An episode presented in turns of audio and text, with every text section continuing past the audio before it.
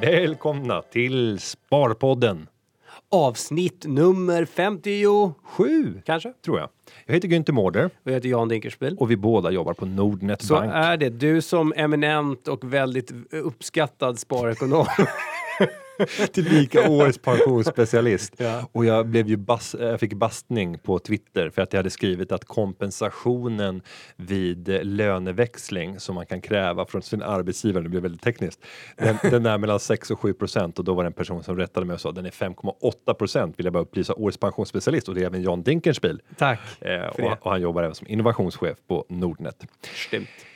Ja, nu Ja. har vi ett nytt avsnitt framför oss och jag ser väldigt mycket fram emot det vi ska avsluta med idag. Mhm. För att vi har nämligen fått in, eh, eller vi har fått kontakt med en forskare som heter Elin Hellander på Karolinska institutet, Institutet för neurovetenskap. Det är inte varje dag man blir kontaktad av eh, företrädare från institutioner för Det neurovetenskap. är jättekul. Som för övrigt har, tror jag, rätta mig om jag har fel, men fått upp ett sparintresse på grund av Sparpodden. Ja, och det är det som är så häftigt. Alltså när man börjar märka att folk utanför den, den klassiska ekonomiska sfären där vi tänker ekonomistudenter som, som primär målgrupp. Men när man märker att det börjar rinna över och allt fler ute i, i samhället inspireras till sparande. Det är därför vi gör det här. Exakt.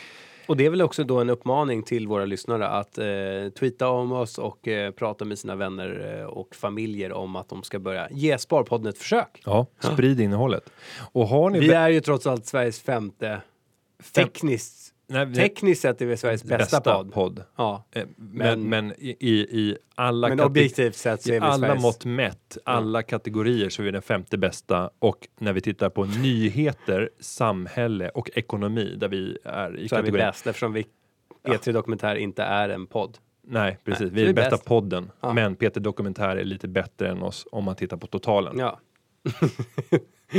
De är lite bättre. de på något sätt. Eh, men men eh, Du, innan vi sätter igång bara. Eh, för det gör vi nu, eller ja, det gör vi. Ja. Absolut. Så hur tar man kontakt med oss? För att vi vill uppmana våra sparare att fortsätta, våra sparare, våra lyssnare. Ja. Eh, då går man in på Twitter och använder hashtaggen Sparpodden Mm. eh, och skriver sin fråga eller kommentar. Man kan också gå in på nordnetbloggen.se och skriva i kommentarsfältet på det senaste Sparpodden-inlägget. Right. man visar också upp bilder på när man njuter eller lyssnar av Sparpodden på Instagram Va? under hashtag Sparpodden. Alldeles för länge sedan jag var inne och kollade på det. Har du varit inne och tittat Ja, på då. det? jag var inne så sent som igår kväll Har vi och några... konstaterade att det var någon som var och höll på och städade och lyssnade på Sparpodden sam- samtidigt. Eh, här är en Nytta med nytta. väldigt deppig parkering, va? Ja, det är jag. Ja, det... Det är jag och min Lexus som står på Willys parkering. Det är helt soprent. Samtidigt så vet jag att Axfoods aktiekurs har skjutit iväg som någon form av bioteknikbolag som precis nått sitt genombrott. Vad händer? Varför står du ensam med din stekarbil på Willys parkering? Är det för att den öppnar 9.30? Nej, den öppnar klockan åtta normalt sett på lördagar i Häggvik. Tror du att de kan spara en timme där genom att hålla stängt Nej, 8 och 9? men, men sen så när jag tog den där bilden så hade jag inte gått fram till dörren och sett att eh, allhelgona afton, är det det? På lördagen. okej. Ja. Så öppnar vi först klockan 10. Ah, så, Så du är där. Du, du är där. Just den här dagen är du där. Ja, jag stod och ryckte i dörren. Så Men jag likar dig. Ja. Så, och sen så är det en fantastisk bild på dig och din son, va? ja, det är det. Som stålmän. Vi är som superhero. Ja. Det är en, en billigare variant av Stålmannen kostym. Du är magisk alltså. Du är helt är magisk på den. Du är helt magisk på den här bilden. Och märk väl att på den där bilden på, på Instagram så hade jag inga, inga vad ska man säga, hårprodukter. Nej, jag ser. Du, Helt du är natural. väldigt naturell i håret. Mm. Med en skön lugg som För jag tror att Superman ner. har det, eller Superhero har det. Och var har du fått tag på den där dräkten? Jag har fått den av min mor. Ja, där ser ni Mm. Och alltså. jag kunde inte sitta ner. Alltså jag kände mig verkligen inte som en superhero när jag sitter i en sådär tight ormskinn som håller på att spricka så fort jag sätter mig Det ner. gulliga med den här bilden, det är att din son, man trots att man inte ser är hans så- ansikte, så är Ja. han så stolt. Det är, Ja. något, eh, det är något så otroligt liksom. Han känner sig så jävla stark. Vi var ju oövervinnliga den där kvällen. Ja, och så så skulle vi åka iväg på min gudsons sjuårskalas Ja. och bara visste att pappa är superhero och jag är Spiderman. Ja, men det blir inte bättre än så. Nej, och det bästa av allt är att det är billigt. Det här är alltså hashtag Sparpodden på Instagram. Instagram. Och sen vill jag också kasta ut ett tips till alla er som har vänner som inte har kommit igång med sitt sparande. Jag har ju lagt upp en kurs på en sajt som heter dailybitsof.com, alltså dagliga bitar av. Eh, och där har man dagliga bitar av sparkunskap. Så signar man upp sin e-post där så får man 30 stycken mejl med en dags mellanrum med ny sparkunskap där jag blandar lite Youtube-klipp, lite blogginlägg och förklarar sparande från grunden. En återkoppling jag skulle vilja få från lyssnare till antingen att Günther Mårder eller att Jan Nordnet på Twitter. Det är för er som inte var ett dugg intresserade av det här tidigare. Vad som har fått er att bli intresserade i den utsträckning ni nu är intresserade. Eller hur? Det skulle vara ganska kul. Ja, det skulle vara roligt om man kan beskriva det på 140 tecken. Ja, ja. Annars så kanske man kan använda Nordnet-bloggen. Där Ja, är det är obegränsat. Bra, bra tänkt. Mm. Eh, men på något sätt så här, vad är det som, hur har vi lyckats fånga ert intresse? Och jag ska också berätta en liten så här rolig anekdot. Vi sitter ju alltid och förbereder så här inför Sparpodden och eh, John kom ju insläntrande ungefär en kvart för sent. Idag var du inte en kvart för sen utan du kom inom Mm. utsatt tid till och med, vilket imponerade. Men däremot så har han ägnat typ eh, 20 minuter åt att administrera ett försök tillsammans med sin fru att hitta billigaste flygbiljetten. Och jag tyckte det fanns något romantiskt över det här. För, är, det, alltså är det prisjakten eller var det tidsjakten att hitta rätt flight? I en kombination. Vad, vad, är som, vad är det som gör att du tycker att det är så romantiskt? Nej men alltså här sitter du under liksom två, vi är ändå två rätt välavlönade människor som sitter och ska förbereda, vi ska leverera den här veckan, vi har ont om tid och så börjar du administrera några billiga flygbiljetter till London tror jag att det var. Nej, exakt. Ja. Eh, det, var, det var först hitta rätt tider och sen sekundärt var priset, men ändå väldigt viktigt. Det blev ju att vi eh, valde den billigare biljetten, trots att den inte var rätt Och, utifrån ett och, och, och kan, ärligt talat, kan inte du skita i det där i pris? Nej, kan jag inte. Varför inte? Därför att det handlar om respekt för...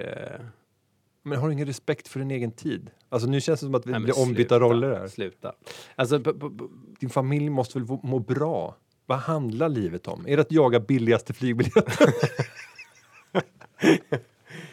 men tror inte. Sparekonomens frontalangrepp. Så här, om man tittar på, om man tittar på ett företag Mm. så är det ju så mycket svårare att eh, påverka intäkterna än att påverka kostnaderna. Alltså kostnaderna. Jag älskar att utifrån ett företagsperspektiv, alltså privat så är jag, skulle jag klassa mig som generös och oekonomisk och eh, jag menar att jag liksom, jag gillar att vara generös. Alla de egenskaper som jag inte står Ja, för. jag har väldigt svårt att vara gniden utifrån ett privat perspektiv. Mm. Jag har väldigt svårt att prisförhandla utifrån ett, ett privat perspektiv. När jag kommer in i en företagarmiljö, Mm. då kan jag vara en eh, pitbull. Och är det för, För att det byts identitet? För det är nej, inte Jan nej, utan, det handlar om att så här, om jag skulle göra det för mig själv, att så här, jag går på krogen och jag skulle inte betala dricks till en trevlig servitör eller servitris, så skulle jag bara känna att jag är, är snål som människa. Men här har ju helt plötsligt en annan huvudman. Du har liksom en ledning att för, liksom, du har ett ansvar inför ledning, du har ansvar, inför aktieägare. Det är, så, det är så lätt att skylla på eh, någon annan. Och jag gillar inte att betala för mycket. Men en, att- en taxiresa Ja. som du gör i tjänsten, skulle du kunna tänka att ge dricks? I det Ja. läget? Absolut.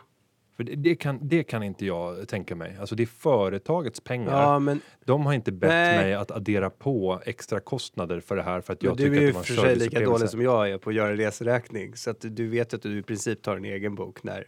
Ja, ja, men, ja, men jag gör, jag gör den ändå. Nu var det ett halvår senast, men jag ska göra den innan det har gått precis ett halvår. Nej, men jag, så här, om vi säger så här då, så, Mm. om jag ska vara helt ärlig, så kan det nog vara så att jag vet att eh, jag bjuder någon, eh, nu går inte jag ut och lunchar med kunder som det låter som, men, men eh, säg att jag ska till ett möte in i stan, så kanske jag ställer ett parkeringsgarage. Mm. Eh, och då vet jag att jag skulle kunna ta den där parkeringsbiljetten på 120 kronor på företaget. Helt rätt, liksom. Jag gör det på grund av att jag ska in och ta ett möte för jobbet. Men då kanske, så att jag vet, jag vet att nätt nätt så kommer jag aldrig att belasta företaget lika mycket som jag har egna utgifter. Och då kan jag liksom vara schysst mot den här taxichauffören för att eh, jag vet att det finns andra grejer. Som, alltså så kan jag göra en rational för mig själv i huvudet och komma undan med det. Men som princip, nej, så gillar jag inte, så skulle jag inte gilla att liksom, ja, det kostar 470 och så lägger jag 500 eh, när det är företag som betalar. Ja.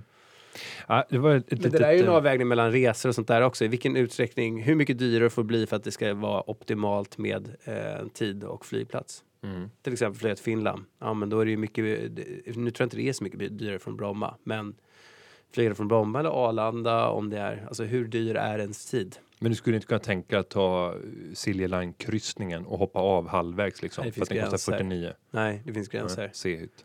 Finns, finns, ett, finns en grad av komfort också. Ja, och där kan man ju bara- dessutom köpa billigt snus och, och äta billig buffé. Men skulle du kunna tänka dig, om du hade möte tidigt i, eh, i Helsingfors, skulle du kunna tänka dig att ta färjan över en söndagkväll? Ja, det hade jag kunnat tänka mig. För jag tycker ju att det är, det är lite trevligt att möta alla, alla de här människorna och det skapar ju möjligheter att inspirera kring sparande även i en i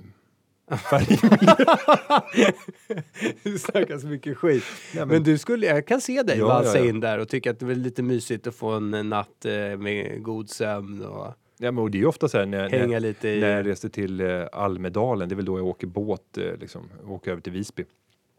Eh, men då tar jag ofta de här sjuka båtarna för att det är billigast.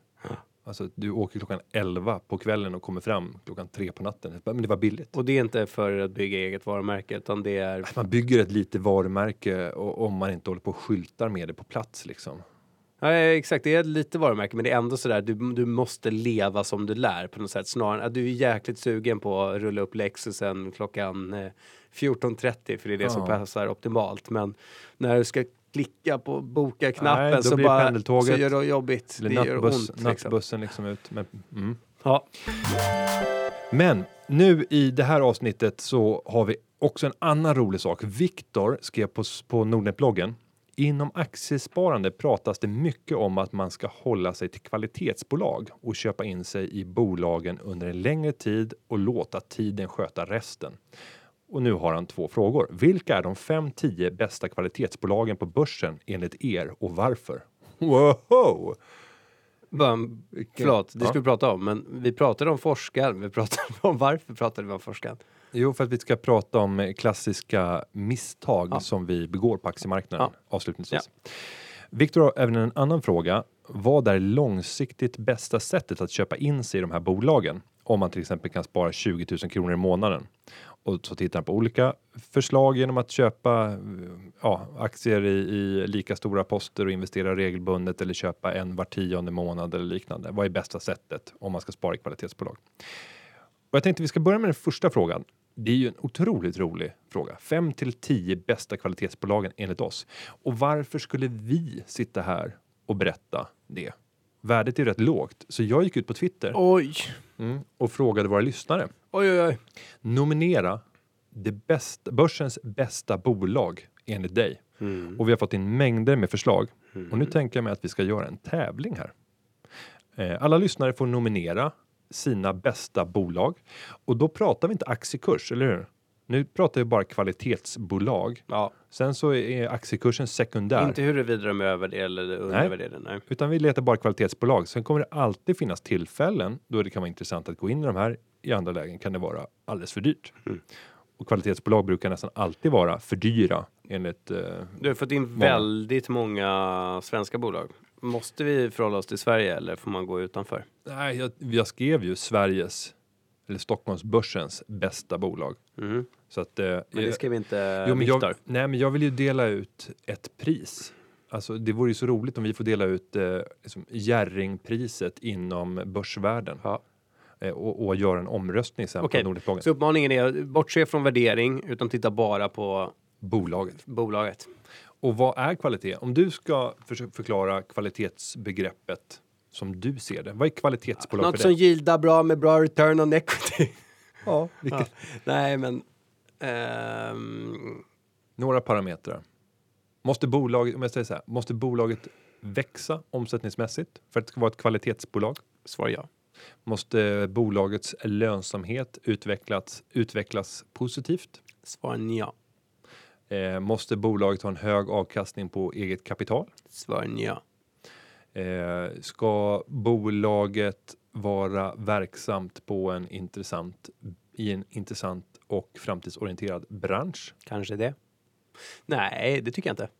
Men Nej. är det inte lite så som vi snuddade vid vid förra tillfället, det vill säga att eh, det här med monopol, monopolkraft. Så någonstans kan man säga att den dagen som du har fått monopol i din nisch, jag håller på att läsa en bok nu Eh, av eh, Peter Thiel, som var en tidig, han är med i det här klustret av entreprenörer som startade Paypal och var en tidig investerare i Facebook. Och han pratar om, väldigt mycket om det här med monopoly power och att du bygger verksamheter och företag. Eller eh, om vi säger så här då, att monopol, de gör sitt alldeles yttersta för att tala om för omvärlden att de inte är ett monopol.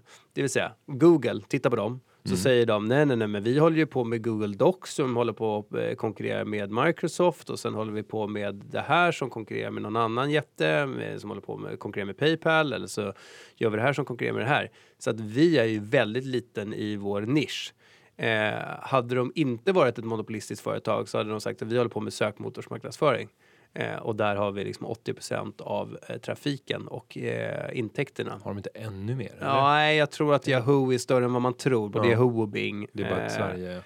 Sverige är dominant, och sen, men de är ju förinställda i många, alltså Mm. Bing för alla seniorer, det är ju förval i, i browsern så att det blir säkert en hel del Bing där. Och sen Ja, jag blir så Yahoo, förbannad. Jag, jag vill ju söka på Google, men så fort du går in på Explorer ja, du vet att du kan ändra det- ganska enkelt. Ja, det vet jag. Men jag kör ju nästan alltid Chrome. Ja, Men så fort jag klickar på en länk, ja, så vill, vill du Ja, sätta det här som din förvalda, förinställda browser typ. jag är så trött. Eh, men jag tror, att, och jag tror att Yahoo är lite, är fortfarande har ett något bättre varumärke i USA än vad det har här, här i Sverige. Min poäng är, monopolister, de talar om att de är utsatta för konkurrens och de som är då utsatta för konkurrens försöker förtala, av- gör sitt alldeles yttersta för att försöka för- tala om för konsumenterna vad det är som gör dem annorlunda. Mm. Du är med? Mm. Så då skulle jag ju säga att okej, men för, ska man hitta de här briljanta bolagen då, de kvalitetsbolagen, så är det ju att hitta bolag som har nästan monopol. Eh, helst i Sverige, men också i sin, i sin nisch eh, globalt. det, det där pratar ju ofta Warren Buffett om och säger Monopoly power, eller? Ja, han pratar om vi ska översätta till svenska som en form av tullbro. Företag som sitter med en unik resurs som du inte kan du kan inte undvika den. Mm. Eh, och, och det skulle kunna jämföras då med gamla medeltida städerna där man hade broavgifter, alltså tullavgifter när man passerade broarna in till städerna runt vallgravarna. Det gick inte, du kan inte komma in på marknaden. Så att sitta och kontrollera tullbron, det är det magiska. Det är det magiska. Och vilka, vilka bolag är det då man förstår sig på? Då är det väldigt lätt. Här är det ett bolag som många har eh, refererat till och det är H&M. Mm. Eh, nej, men om vi tar upp några av de här bolagen som har, har nämnts som förslag. Förlåt, vad, vad tycker du? Nej, men om jag ska definiera lite snabbt, vad, vad, är, vad är kvalitet för mig? Jo, man ska förhoppningsvis, nej, men- nej, bolaget ska växa, annars så tycker jag inte att det är kvalitet. Jag tycker också att lönsamheten ska minst stå stilla, helst stiga. Jag tänker I takt med Tesla då. Är inte det ett kvalitetsbolag? Eh, inte än, alltså det är ett spännande uppstartsbolag fortfarande, även om det har, vadå, åtta år på nacken eller sex Ja, jag år. vet inte. Ja, men det är fortfarande ett uppstartsskede. Jag vill ofta att det Ja, ska vara det är ju växande kassakon. omsättning. Jo, men jag vill ofta att det ska vara den här kassakon också. ta ett Amazon då. kvala- De gör inte någon vinst. Eh, nej, men, nej, Han men tar ju jag, varenda liten peng han får in och bara återinvesterar i jo, men ett verksamheten. kvalitetsbolag, där vill du ju ha utdelningar. Alltså du, Vill du eller ja, som investerare, som investerare, för annars ökar ju risken. I takt med att de inte ger några utdelningar, då överräcker man Men mer och Apple har mer. inte delat ut på nej, och där, nej, och där överräcker man. Ja, men nu har de ju delat ut. Mm. Eh, men där överräcker man ju. Ta Lundin Petroleum, de har inte delat ut. De har delat ut bolag visserligen. Men där överräcker man hela tiden. Större och större förtroende till de som leder bolaget. Och det räcker med ett stort felaktigt beslut så, så kan allt det tidigare positiva rämna. Så för mig så, så ska de även generera vinst och lönsamheten ska stiga i takt med att omsättningen stiger. Jag vill också att det rapporterade resultatet på sista raden också ska konvertera till kassaflöden. För det är inget roligt att sitta och äga ett bolag som redovisar vinst på sista raden men på grund av olika saker inte kan konvertera det här till rena kassaflöden för då finns det inga pengar att dela ut. Mm. Eh, bolaget ska också ha en, en, en ordentlig kostnadskontroll och ta ett ansvar, ett långsiktigt ansvar för hållbart värdeska värdeskapande. Och då han, det handlar om att balansera alla de risker som finns kring dem. Det kan handla om eh, risker när det kommer till de frågorna som vi pratar om när det gäller hållbarhet, alltså respekt för mänskliga rättigheter, miljö, alltså de aspekterna. Men jag tänker kommersiellt, för börjar du bryta mot de här så kommer det att slå tillbaka mot bolaget. Mm. Du kommer tappa investerare, du kommer tappa kunder och det blir svårare att driva businessen. Men det ingår även andra parametrar som att hela tiden leda bolaget på ett långsiktigt sätt, inte styras av kortsiktiga intressen och falla Det marknaden var till väldigt föga. många kriterier för att det skulle klassas in som ett kvalitetsbolag i, i din värld. Ja, det här är min definition, men, Ja. men det är lyssnarna som ska ge svaret. Så jag tänkte att nu tar vi en nomineringsrunda Mm. och sen kör vi en omröstning och får ner det till en shortlist på 10 bolag och de 10 bolagen kör vi den riktiga finalomröstningen. Men kan vi inte bara kan vi inte uppmana så här istället? Du gör ett blogginlägg bara på det här Mm. på nordnetbloggen.se. Mm. Och sen så behöver man det enda som lyssnaren som man behöver åta sig att göra det är bara att gå in och så skriva en, en liten kommentar. Alltså vi- ett bolag Ett bolag. i Sverige noterat. Mm. Och du kommer att då ge ut svenska podd... Nej, poddpriset blir ju som att en podd de har Mm. spelat in. Nej, Güntherpriset. ja, Güntherpriset, det finaste priset man Ja. kan få som börsbolag. En flaska champagne. Ja, men någonting på gränsen till nästan pinsamt. Och så kan vi göra ett Youtube-klipp av det här när jag möter börs för det här bolaget och delar ut priset. Och står och hänger utanför huvudkontoret och väntar på att han ska komma. Hen, hen ska komma. Ja, det är jättefint. Men några nominerade hittills då? Eh, både, det är tre stycken, Ursula Vega, Fredrik Persson och Stefan Telenius. Ska vi bara gå igenom hela listan och så säger vi ja, nej på om vi håller med. Och, ja, men, ja, den är svår för jag skulle nästan säga ja på samtliga de här. Det har inte kommit Men in något. Jo, men inte bästa. Men, eh, Men, alltså, ja, men okej. tycker du Kopparbergs bryggeri, tycker du att det är bästa kvalitetsbolaget på hela börsen? Nej, det är det inte. Nej. Men det är en bra kandidat. Nej, men det, det, det är inte Fingerprint liksom. Nej, fine. Men jag vet, jag, kan du Kopparbergs bryggeri? jag måste alltså, nästan in i pinellen. Nej, men de har varit inne med om en fantastisk resa och tagit Kopparbergscider ut i världen. Oj, så att, alltså, det det är bara, kanske är min vinnare helt av alltså. Ja, Kopparbergs är ett av de mest form, alltså ett bryggeri som har haft en, en aktiekursutveckling i enlighet med dem. Det finns inte. Jag tror att Vad de kul, är vad kul för dem. en av, Jag gratulerar. så, det är så, ja, jag gör visa det. respekt.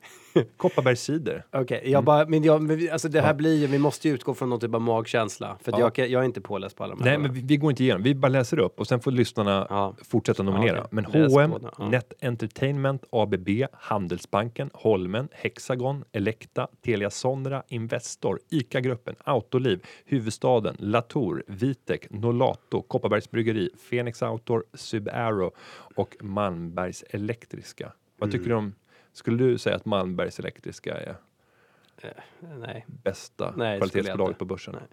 Framförallt tycker jag utifrån ett kundperspektiv att det måste vara något briljant också. Om det ska vara. Så man kan inte göra ett kvalitetsbolag utan att ha en briljant idé.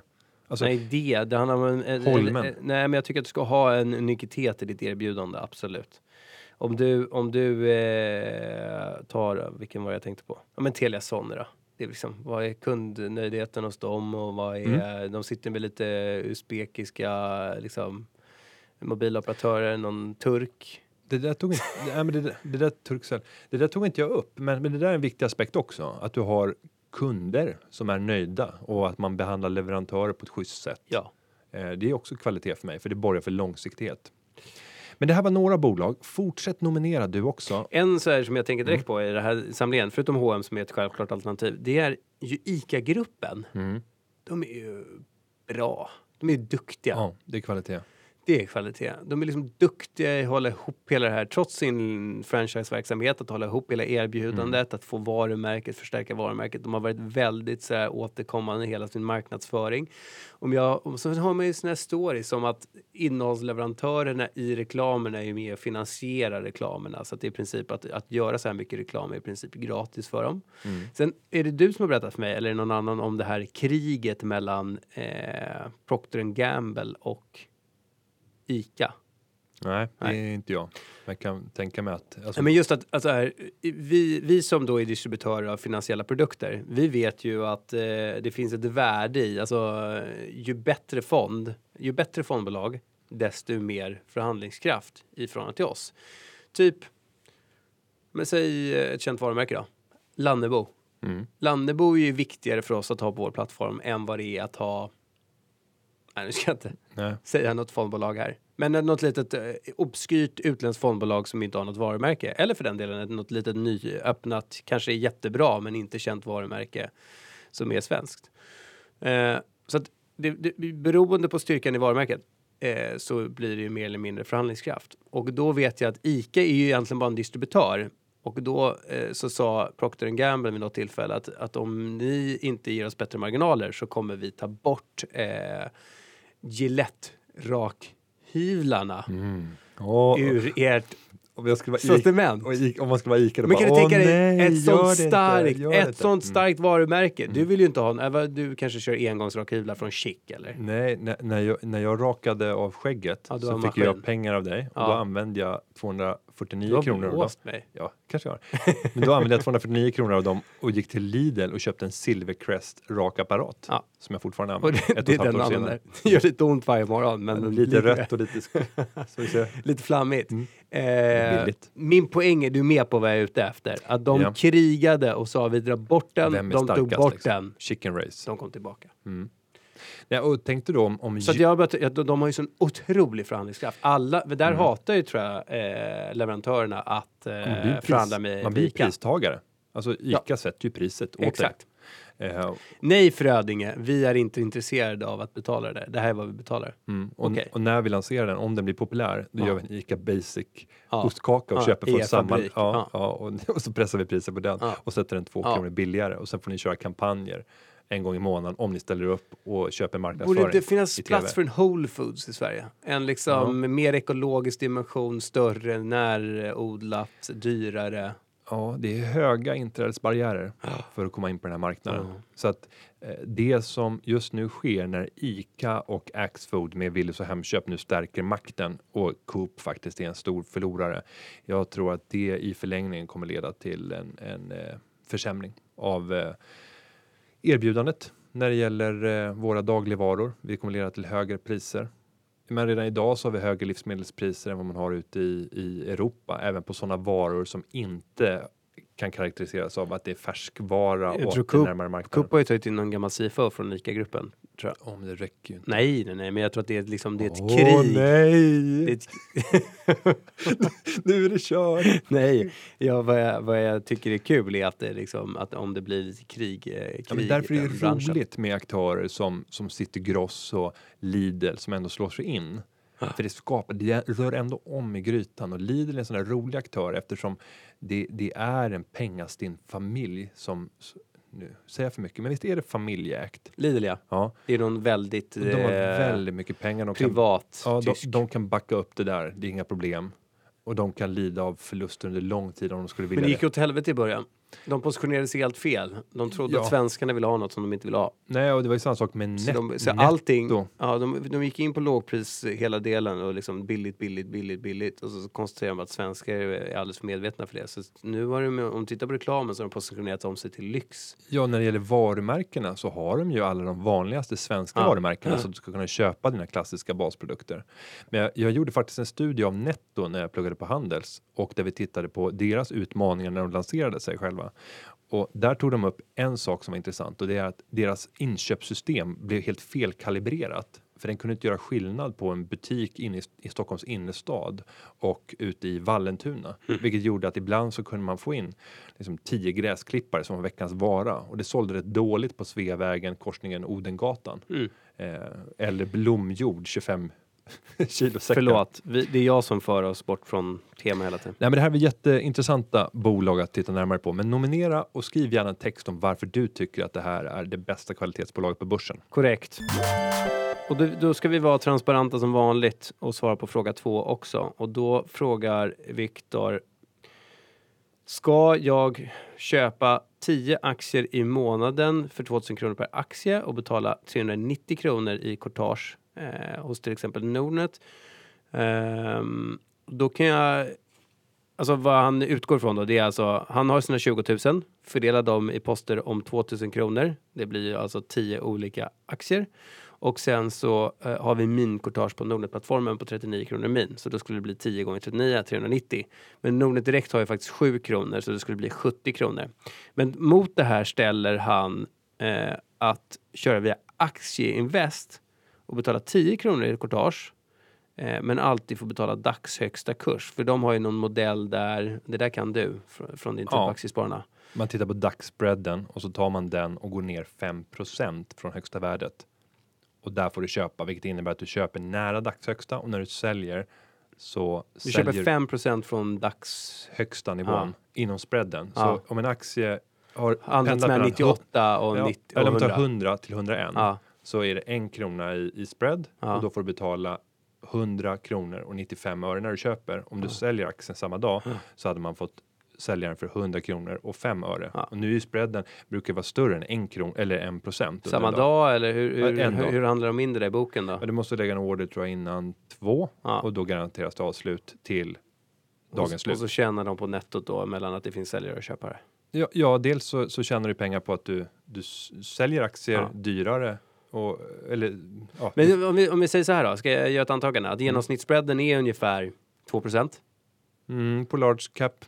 Ja, Ja, så det blir Stiger mellan topp och minus. Så då, säg att du alltid handlar i snittet så blir det 1 mm. Så det blir motsvarande en courtage och, eh, på 1 Och eh, om vi säger 1% på 2000 kronor per affär som Victor skulle göra så är det 20 spänn. Mm. Ja.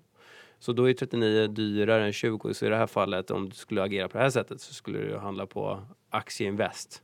Sen finns det ju massa, sen är ju frågan, ska du köpa 10 aktier? Ska du fördela ut det på 10 aktier? Ska du köpa en fond för att courtaget oberoende av om du väljer aktieinvest eh. Eller andra, ska du köpa i Spiltan investmentbolag och så vidare. Och så vidare. Ja, och, jag, och jag hade faktiskt inte Jag vet inte om ni hängde med, det gjorde ni förmodligen inte. Men, Nej, men, men- och jag, jag hade faktiskt valt en annan modell eh, där jag köper för 10 000 kronor och köper två aktier i månaden mm. och så återkommer man då var femte månad till varje aktie. Ja. Eller så återkommer man var tionde månad och köper för 20 000 om man vill minimera kostnaderna. Det kommer vara det absolut billigaste och så, så väljer man eh, det courtaget som passar just för den, den klassen. Yes. Christian Davén. Mm. Om man tror på sjunkande börs och stigande räntor. Varför gör man det? Eh, ja, det finns ju vissa som har förutsättningar för att inspirera på shareville.se. Mm, För övrigt 25 000 eh, portföljer. coolt. Hur ofta är du inne? Eh, en gång per dag, Ja. två gånger per dag. Ja. Ehm, går du in för att du liksom känner att du måste eller går du in för att du tycker att det är kul? Nej, jag får ju ofta kommentarer. Sen så ska jag säga till alla att eh, kommunicera inte med mig med direktmeddelanden. Det är jättesvårt att svara på. Jag får så dåligt samvete när det ligger massa grejer. Men jag kan inte, jag kan inte disponera min tid individuellt till att svara på Olika direktmeddelanden. Det går inte. Eh, men det är ju diskussioner Mm. framför allt då. Mm, när jag får uppdateringar om när mina favoritföljare har gjort affärer. Kul. Men nu frågar Christian här, hur ska man placera sina pengar bäst? Om man tror på sjunkande börs och stigande räntor? Och det Jag svarar. Ja, men det beror helt på vilken riskprofil man har. Alltså rent klass, krasst så skulle man säga att har man låg riskprofil, ja då ska man ju naturligtvis inte röra börsen. Och så ska man bara placera i korta räntebärande papper. En kort räntefond, för den kommer stiga i takt med att räntan stiger. Du ska inte välja långa räntefonder, för de kan till och med utvecklas negativt om vi skulle få kraftigt stigande räntor. Men om man vill ta lite högre risk då, Jan? Har du något förslag då? Ja, då ska du i, sitt renaste format ska du väl eh, köpa terminen. En, Mm. en, en termin som, gör, som går upp när börsen går ner. Eh, men det finns ju massa produkter som eh, går upp när börsen går ner. Men det här är ju... Jag vet fasen varför man tycker att det är mer spekulativt än att köpa åt andra hållet. Jo, varför för att det mer... långsiktigt går börsen upp. Alltså Ja. att spekulera i nedgång Ja. när vi lever i en, en uppfattning och en ekonomi som hela tiden strävar efter att bli bättre, leverera mer Absolut. och Men om man, är, om man är en på toppen av, liksom, om, om man är på en börstopp så är det ju inte orimligt att anta någon gång att okej, nu kan det gå ner. Och att då utan belåning och utan särskilt mycket hävstång ta en exponering som gör att den går upp om det går ner. Mm. Det är inte superrisk. Nej, men, Det, men det ska ju vara kortsiktiga positioner, att gå emot marknaden Ja, långsiktigt. du ska ju inte ligga, alltså, man är ju inte en domedagsprofet som säger så här, världen kommer gå under och jag blir en survivalist och jag sätter mig Ja, i källaren med ja, man, ärtor. göra? och bara köper Och bara köpa en gånger 10. bärprodukt över 30 års tidshorisont. Vi ses 2067. Och vad ska man göra med pengarna då? Allting Ja, är ja exakt. Nej, så på så sätt. Men, men eh, att ha det under en tidsperiod. Eh, nej, så, så fundera över en riskprofil och, och det finns jättemycket alternativ när det gäller korta produkter. Alltså. Sen kan man gå lång. Alltså man kan ju, eh, typ om man tycker att nu har västvärlden gått väldigt bra och emerging markets har gått väldigt dåligt. Då kan man ju köpa att man är exponerad mot emerging markets. Eh, någon typ av index, MCI Mm. World. Och sen så, eller ja, MCI Emerging Markets då. Mm. Och sen så kan du ta en kort position mot västvärlden. Mm. Eh, Och bara spekulera att Ja. skillnaden blir mindre ja, i exakt. värdering. Ja. Så där kan du göra alla möjliga tänkbara kombinationer. Det här har ju eh, Handelsbanken börjat göra i större utsträckning också. Försöker kapitalisera på en ny produkt, spread-certifikat. Mm. Där man ställer två aktier mot varandra och säger då Atlas Copco mot Sandvik. Mm. Och så tror man kanske att Sandvik kommer att gå relativt bättre än Atlas. Ja. Och då köper man det paret Ja. och minskar skillnaden i värdering. Går alltså Sandvik upp mer än vad Atlas, eller det kan ju också gå ner. Alltså, det kan ju till och med vara så att hela marknaden Ja. kraschar. Ja, men ändå så blir spreaden... men Sandvik kraschar mindre Ja. än Atlas och då tjänar du pengar på Ja. det här spread-certifikatet. Och det är ju ett sätt att göra en ganska komplex struktur enkel. Så att de skulle kunna göra det mot ja, Det kan du eh, göra i din portfölj genom att blanka. brasilianska börsen mot den svenska börsen. Ja, och du kan ju göra det själv i din egen portfölj. Men, men då kräver det att du blankar och att du själv räknar ut så att du får en, en Exakt, du måste blanka, du måste ha blankningsavtal och så vidare. Det här är ett sätt att komma runt det. Det är Mm. märkligt för övrigt, det har vi pratat om, jag har pratat med vår eh, produktägare för kreditprodukter också, att du, för att kunna ta belåning mm. i ett skal, alltså i ett ISK eller en kapitalförsäkring, då måste du ha eh, sända på massa avtal och du måste få förhandsinformation och så vidare. Och så vidare. Men för att köpa en hävstångsprodukt så behöver du bara svara på några frågor i inloggat läge och sen är du good to go. Ja, det, Och det är en samma. väldigt märklig struktur. Ja. Och, och jag sitter Borde, man förbjuda, borde man förbjuda hävstångsprodukter?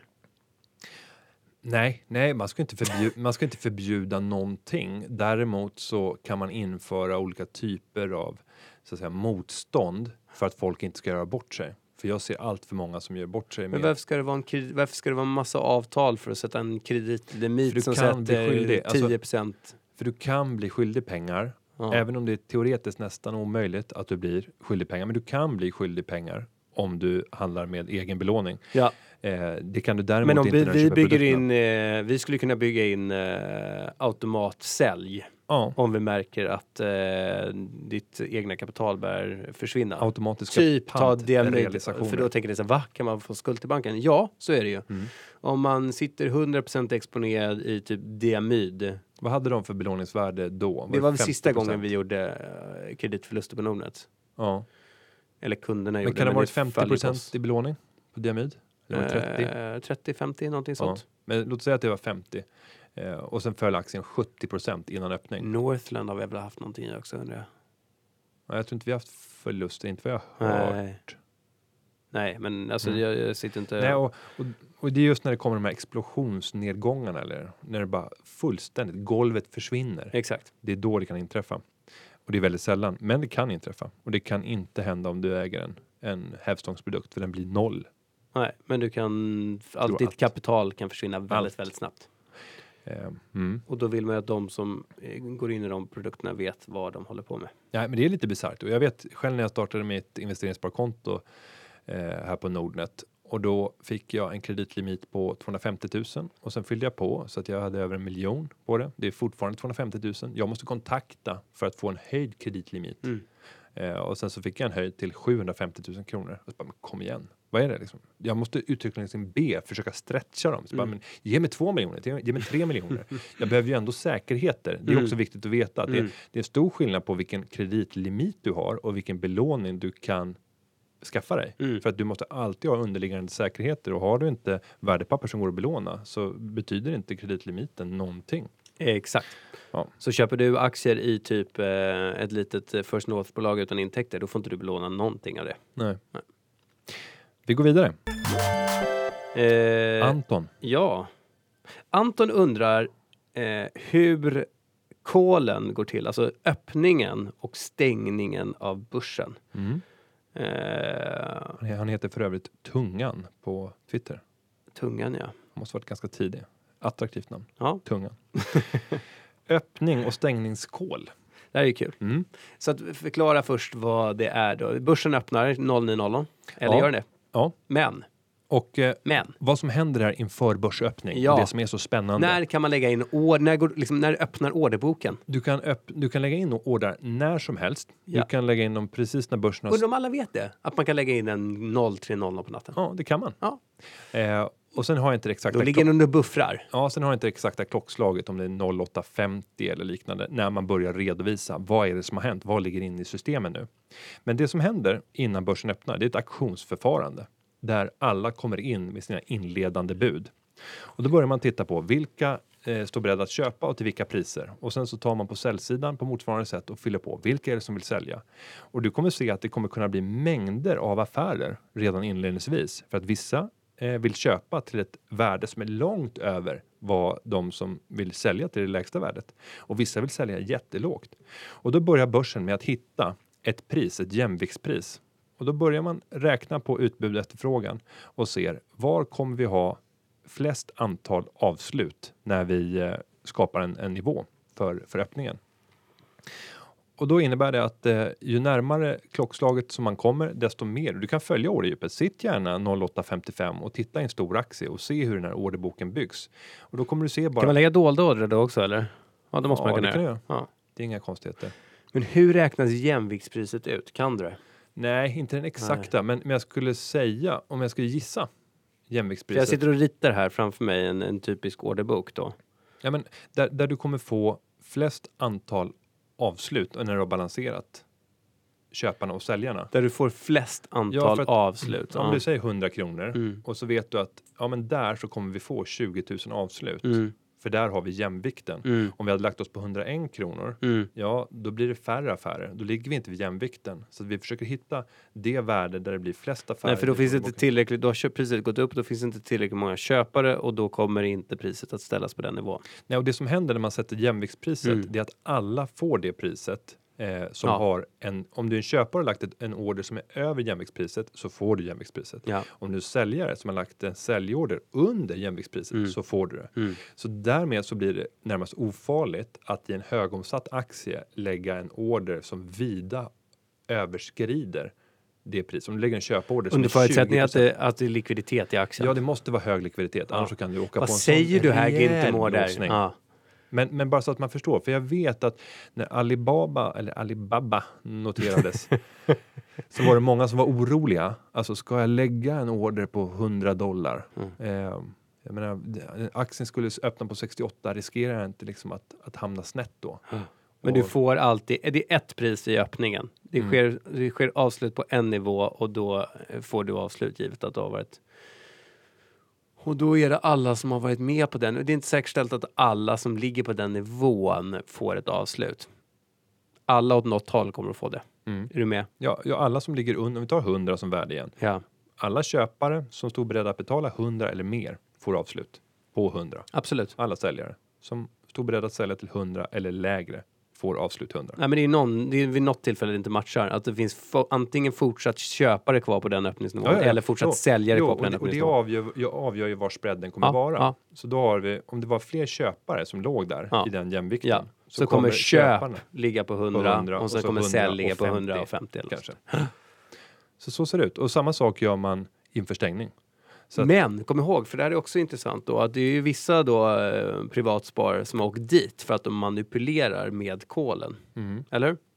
Ja, jag kan, jag kan inte referera fallen, men Nej, jag kan inte heller, men jag vet att det, att det har hänt det. Och jag vet inte vad de har gjort då, men alltså för att tänka då att man skulle kunna tänka sig att du lägger, jag undrar om det flyttar, att du, kan, du kanske har mycket algos där bakom. Alltså algos som lägger per, liksom, som är maskinella. Så lägger du själv då olika ordrar som gör att det blir en jämvikt. En jämvikt som inte är den naturliga jämvikten. Att du har liksom via ditt agerande ändrat på jämviktspriset. Och sen kanske du har ett hav av algoritmer som följer efter dig. Att oj, nu ser det ut som att den här istället för att öppna på 100 ska öppna på 103. Och då förflyttar sig hela orderboken och sen så får du ett nytt naturligt läge bara för att manipulera. Jag tror att det är någonting sånt där. Du listar ut hur the crowd och numera eh, data-crowdet följer dig som har då lagt in en köpare respektive säljorder och att det kan ha förutsättningar för att manipulera priset. Det där är det alltså olagligt. Nej, och, jag- och jag har ju aldrig ägnat mig åt liksom, trading på det här sättet, men jag kan tänka mig att i samband med rapporter i småbolag och särskilt under sommaren, om du tar i juli, så är det många som sitter och har ingen aning om hur borde den här aktien handlas efter att vi har fått den här rapporten nu på morgonen. Mm.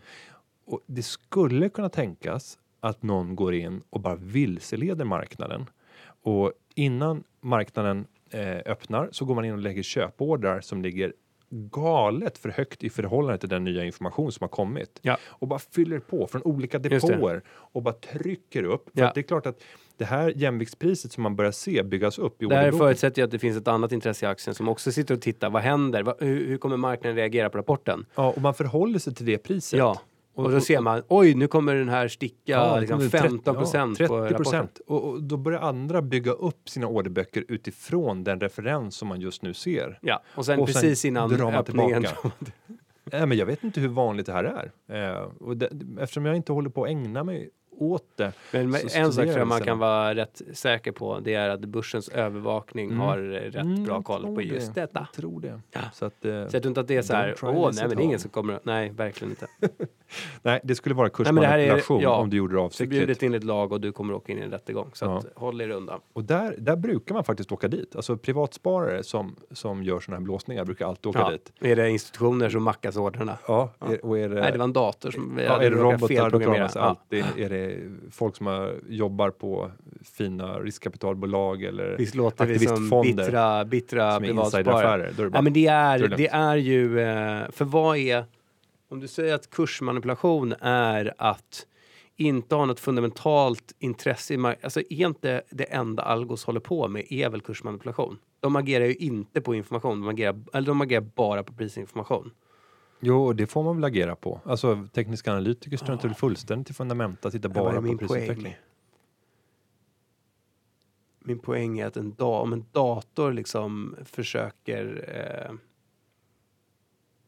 påverka prissättningen i marknaden, då blir det inte kursmanipulation. Men om, om, om en privatperson gör det så blir det, blir det. Ja. Ja, verkligen. Nej, och- Spetsigt ja. Vilket Ja, och, nej, intressant. jo, men det man kan säga är att en privatperson får inte lägga ordrar som inte är avsedda för avslut. Mm. För då börjar det bli kursmanipulation. Just det. Och där försöker ju regelverket, eh, inte om det är USA-lagstiftning eller EU-lagstiftning, men att man ska, jag vet inte vilken frekvens det är på, men att du ska, eh, att robotar måste göra avslut på en order av typ tusen eller om det är hundra, men det är något helt otroligt. Alltså det skjuts in så mycket ordrar hela tiden utan då den här ambitionen att nå ett avslut. Sen, sen skulle jag vilja skicka in en sån där Är du med på? Du Ja, ja. bara gick vidare. Ja, men för jag kommer att tänka på en annan sak och började sväva iväg i mitt huvud. Ja, jag på, såg det. På en sak som jag tror Men du är ännu viktigare. Ja, jag Ja. förstår. Och det handlar om, och det, nu kommer det vara lite så här, ett, ett moment om vad var det Günther sa? Vad var det han sa? Oj, oj. Ja. Jag tror så här, vi har, vi har börjat se en press fortsatt nu när det gäller courtageavgifter eller courtaget för att göra väldigt små affärer. Mhm. Och det här tror jag kommer att kunna leda till att många eller allt fler privatsparare ser intresse av att styra slutpriset på de aktier som man sitter och äger. När kostnaden, när transaktionskostnaden går ner för att köpa och sälja små poster med aktier. pratar om att, varför Jo, det jo, det jag vill komma till det är att jag tror att det kommer bli vanligare framöver att vi kommer få se konstiga rörelser precis i slutet av dagen där enskilda människor går in och köper en aktie, två aktier bara för att få avslut i toppen av den spread som rådde eh, pre- precis vid stängning. Mhm. För att på så sätt alltid stänga i toppen av spreaden och inte varannan dag. Liksom. Varför ska man stänga toppen av spreaden? Jo, för att du hela tiden vill pusha upp aktiekursen. Varför då? Ja, varför investerar du i aktier? Ja men helt ärligt, vad då? Tror du att du kan påverka värdet av ditt innehav genom att hålla på om Nolato står på 99-100 så vill du köpa en på 100 för att din portfölj ska se finare ut. Ja, sen kan det handla om belåningsvärden också och liknande att du får loss. Men bara det faktum att du hela tiden stänger på en, på en högre nivå, även om det är bara en liten, liten volym, så kommer det stå i tidningarna. Det kommer vara ett fastighets... det, Det kommer vara det det man har kostat 7 kronor historiskt och nu... Jo, men, men om vi tittar på eh, den där referenstalet, alltså Ja. dagens stängningskurs, det är den vi kommer referera till när morgondagen Ja. kommer. Ja, men, vad var det han sa? Vad Ja, var det han eh, sa? Och jag tror att vi kommer få se fall där börsen, Absolut ingenting. Jo, Så börsen faktiskt reagerar på det här. Vad var det han sa? Absolut ingenting. Vi kommer inte ihåg vad han sa. Jo, lyssna. Sparpodden 57. eh, 57. Ja. Vad var det han sa? like a börshaj. Ständigt denna börshaj. Det är lite som Dala Kebab, men Dala Kebab har varit lite lugn nu senaste tiden. Jag, vi vill ha mer frågor. Jag har möte om 21 minuter. Köpläge i Semafo. Gärna en analys från Sparpodden. Eh, de ska även köpa upp Orbis Gold och de vill eh, och Like vill veta lite grann om, om eh, hur det här kan påverka kassaflöde, belåning, hur påverkas det av guldpriset? Och ärligt talat, Semafo Det är ett guldbolag som är upptaget till handel i Stockholm och som är primärnoterat i Kanada och har sin verksamhet i framförallt eh, Burkina Faso i Afrika. Det är lite stökigt där just nu. Eh, så kursen har väl droppat med sådär 30% Jag har inte sett hur den utvecklades idag, men det har varit dramatiska fall i takt med att den här diktatorn Ja, är, just det. Är det, är det 27 år, är, är liksom tappat 90 kontrollen av produktionen eh, i Burkina Faso? Ja, jag kan inte säga procenttal, men en överväldigande majoritet av deras produktion sker i Afrika eller i Burkina Faso. Och det är fullständigt kaos i landet vad jag förstår. Men ärligt talat, jag kan inte göra en analys på det här. Jag har ingen aning om hur det här kommer slå mot Semafo som bolag. Det här kanske är ett guldläge. Göteborg! Semafo. Det är kanske är ett guldläge. Billigt. Eh, nej, men det kanske är det.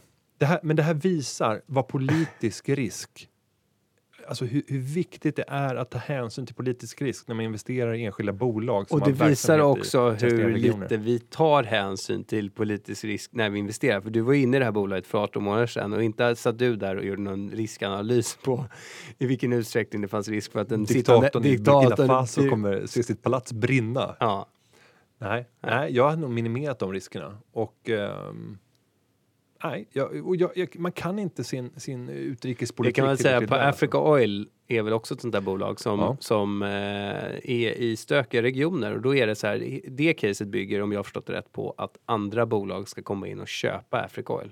Ja, och, sen Därför har, reserverna är väsentligt mycket mer värda än vad bolaget är, är värt. mm, och sen har du hela tiden hotet mot dem och det är ju lokala skatter.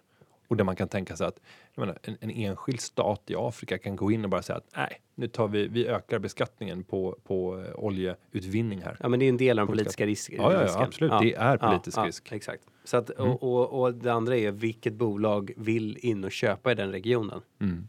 Men vi kan väl vara överens om att vi gör ingen analys av Nej. Semafo utan eh, för vi har ingen aning. Det är jättehög risk. Eh, Och sen får vi fråga, en snabb fråga från Jens om vi kommer göra en app som stödjer mobilt banker. Det svarar ja, kommer snart hoppas vi. Och sen har vi Göran Odehammar och Matilda K. De är inne på det här med premieobligationer från Riksgälden. Göran kommer ihåg den här gamla Riksgäldsreklamen. Hatar att förlora. Eh, Den var ganska kul. Ja. Den där killen som gick in i brottaringen. det var väldigt roliga klipp och det var, det var verkliga klipp från tv eller? Nej, Det var fejkade. Nej, Var, ja. ja. Det var Dåliga typ förlorare. superhero. Alltså, det var du med din grabb och så satt han på en... Eh, på en eh, Det var jättemånga publik olika. Och så, ja, men det var framförallt inte en som gick, my- rullade mycket. Jag har inte, förl- jag, jag har inte Nej, du, förlorat. du skulle, superhero skulle aldrig förlora. det var inte fel svar. Eh, och sen gick han in och så brottades han mot någon Mm. här sumobrottare. Eh, men eh, Matilda avslutar med att säga det här med premieobligationer, är det värdigt? Frågetecken. Jag tycker det är så bra formulerat. Mm. Är det värdigt? Och jag skulle vilja säga att nej, det är fullständigt ovärdigt. Berätta då, vad är det? Men, men det behöver inte vara. Alltså, staten behöver en finansiering och då behöver man låna pengar för att finansiera vårt, eh, vår statsskuld. Ja. Det gör man via eh, statsobligationer och man kan även gå ut på privatmarknaden och ge ut premieobligationer för att få in pengar från hushållen för att finansiera. Det här är ju en helt Vår statsskuld. absurd produkt. Ja. det? Och vad premieobligationen är, det är att du får ingen garanterad ränta om du köper en premieobligation. Mm. Utan du får istället vara med på lottdragningar och där man totalt kommer att dela ut, nu ska vi se beloppet här, motsvarande 0,86 procent före skatt eller 0,6 procent efter skatt kommer att delas ut i den här sjuåriga premieobligationen eh, un, under den här tiden. Sjuårig. Sjuårig. Men det är Så kommer det här dra, det här kommer vara en ränta varje år som går in i den här potten. Ja, istället för det en- ränta så ja. gör man en vinstpott och så lottar man ut. Men går de här under Lotteriinspektionen eller? Alltså, Nej, det tror jag inte eftersom pengarna går tillbaka. men Alltså, vad är det? Vem har kommit på den här absurda produkten? Att istället för så här, eh, privatspararna, vi vill, inte gå ut och låna, vi vill inte gå ut och låna från allmänheten på ett vanligt sätt.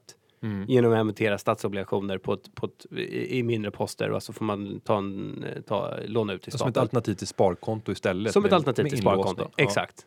Utan vi kommer på att vi utnyttjar att folk i Sverige är Folk- spelberoende. Exakt. Eh, och så paketerar vi det. Och, så, säger det, du vi får ingenting det men det finns, du förlorar Du ingenting men du kan vinna hur mycket Du som kan vinna helst. miljon Ja. i den här. Så att löptiden är sju år.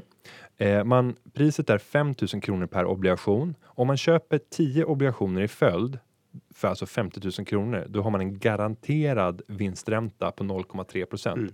För då har man minimivinster som är på 500 kronor. Ska vi lansera ett sparkonto som ger noll i ränta men en chans på Alltså jag tror att det hade funkat. 20 miljoner en gång om året? Nej, men problemet om du ska få 20 miljoner, alltså det måste ju vara så enormt många som sätter in pengar för att med de här låga räntorna, det är det som gör att premieobligationer blir säg att, absurt säg, idag säg med att de låga nu är räntorna. det så otroligt låga räntor så att jag vågar inte ens gå in. Jag kan inte exakt vad det är för förutsättningar som gäller.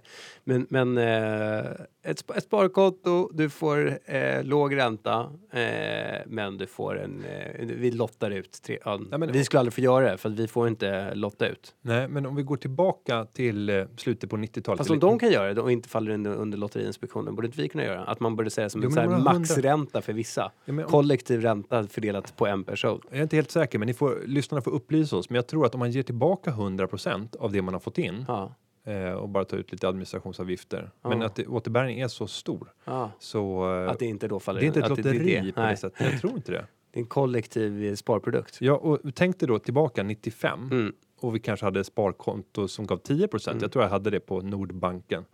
Eh, 10 ränta och så Mm. säger man så här att ja, men var tionde person eh, kommer vinna tiofalt, kommer Mm. dubbla sitt kapital och det, det är varje år Mm. och det här är under fem Mm. år. Mm.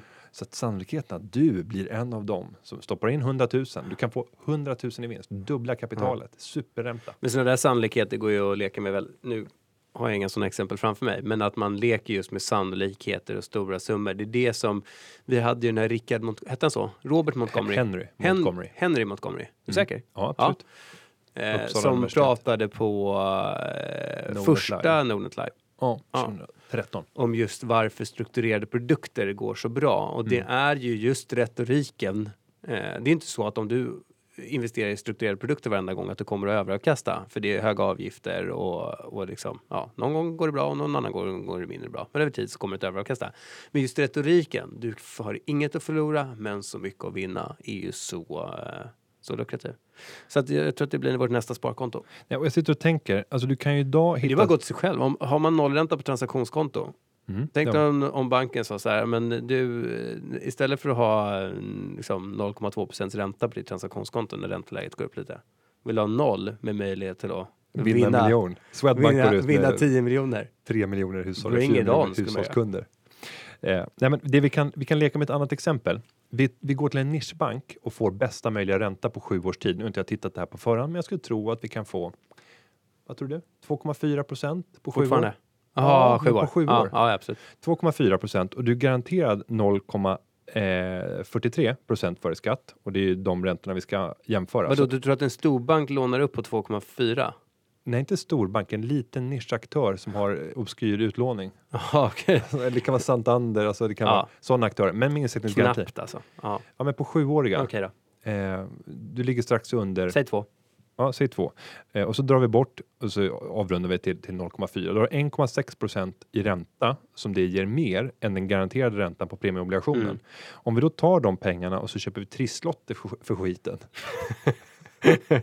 Hur ser vinstsannolikheten ut? Och Men, men får du de där 0,4 på premieobligationen? Om du köper 10 stycken i rad då är du garanterad. För att i lottdragningen så Ja. kommer alltid en av tio i en, en perfekt serie, Ja. som måste vara i ordningsföljd, Ja, att vinna minimivinsten som Aha. är 500 kronor. okej. Och du har pröjsat 50 000 för att köpa de här 10 obligationerna.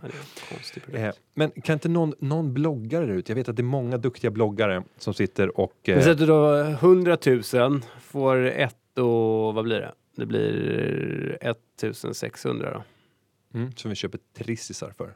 Ja, om vi hade köpt för, om vi hade köpt för 100 000 kronor Mm. så hade vi fått för, för eh, 1600 kronor. Och då får vi bara räkna, det är ju Så en 4 återbäring på 16, 51 det är procent och sånt där. 32, 64. 64 trisslotter. Men sen måste man ju ställa vinstchansen på miljonen Ja. som de har. Övriga vinster, de har till och med två miljoner. Men då är det ju Svenska Spel. Så du, Högsta vinsten är en miljon kronor. Mm. Nej men det, det vore roligt. Så en bloggare, kan inte gå ut Svenska Spel och har för räkna på det här? spel, alltså i förhållande till omsättning, hur mycket som blir. Mm. För rent då eh, rationellt så ska man ju spela på den produkten som har högst återbäring förhållande till insatt kapital, eller hur? Ja, men sen gör man ju en god gärning om man spelar på Svenska Spel. Jag har ju själv bedrivit en verksamhet i, i Unga Aktiesparare som lyfter bidrag som bland annat baserades på Svenska Spels vinst.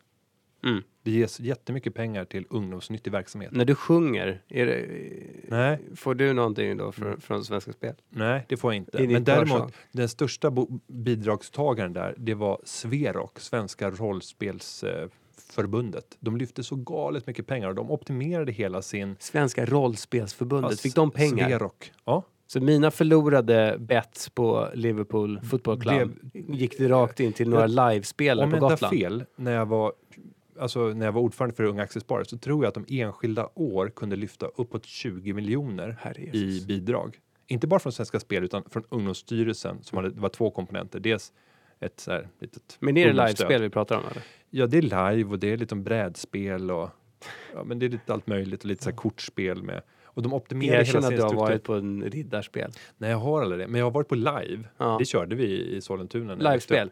Ja, Ja. och jag, jag gjorde en annan Vad är variant. skillnaden mellan riddarspel och livespel då?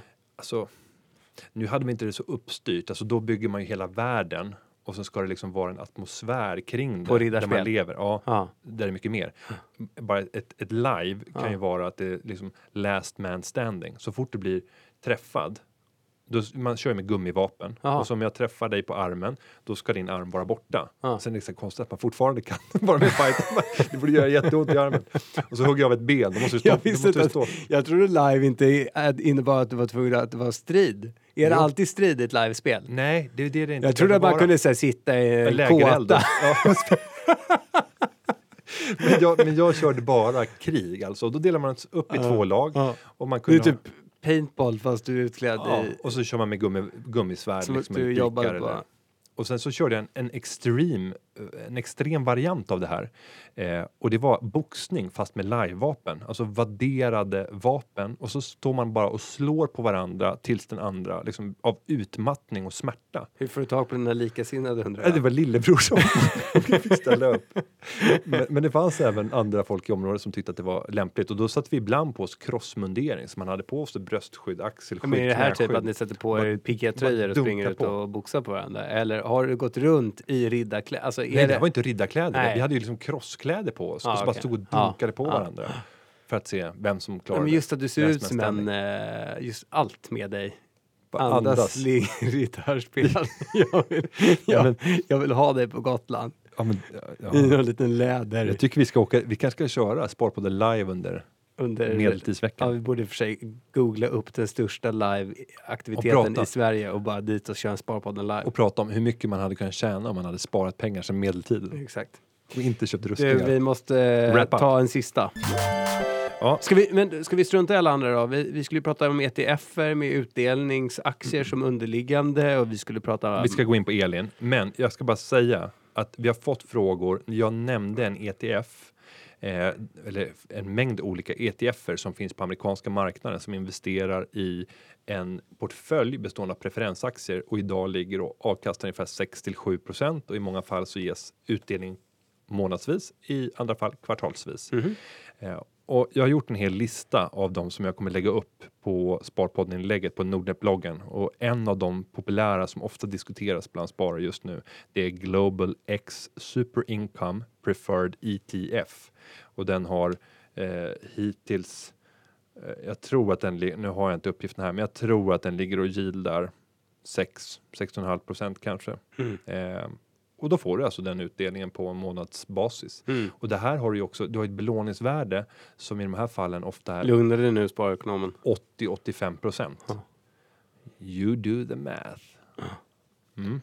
Eh, men, men man ska väl ändå se, med för det blir lite momentum i den här typen av investeringar, eller hur? Alltså att eh, folk köper ETFen och då köper man ju de facto, då går det in pengar i en börshandlad produkt. Mm. Och så kan det driva upp priserna på de här e- underliggande ETFerna. Ja. Och sen vad händer när räntan börjar gå i fel riktning? Ja. I USA så har den faktiskt redan börjat stiga. Exakt. Och då börjar marknaden sälja de här och så Ja. märker då de som äger ETFen att nu går de här ETFerna ner i pris och då så säljs det på ytterligare. Så det finns liksom, det finns väldiga krafter i både Mm. upp och nedgångar på grund av alla de här struktur, alltså även en ETF är, får man kalla en strukturerad produkt. Eller?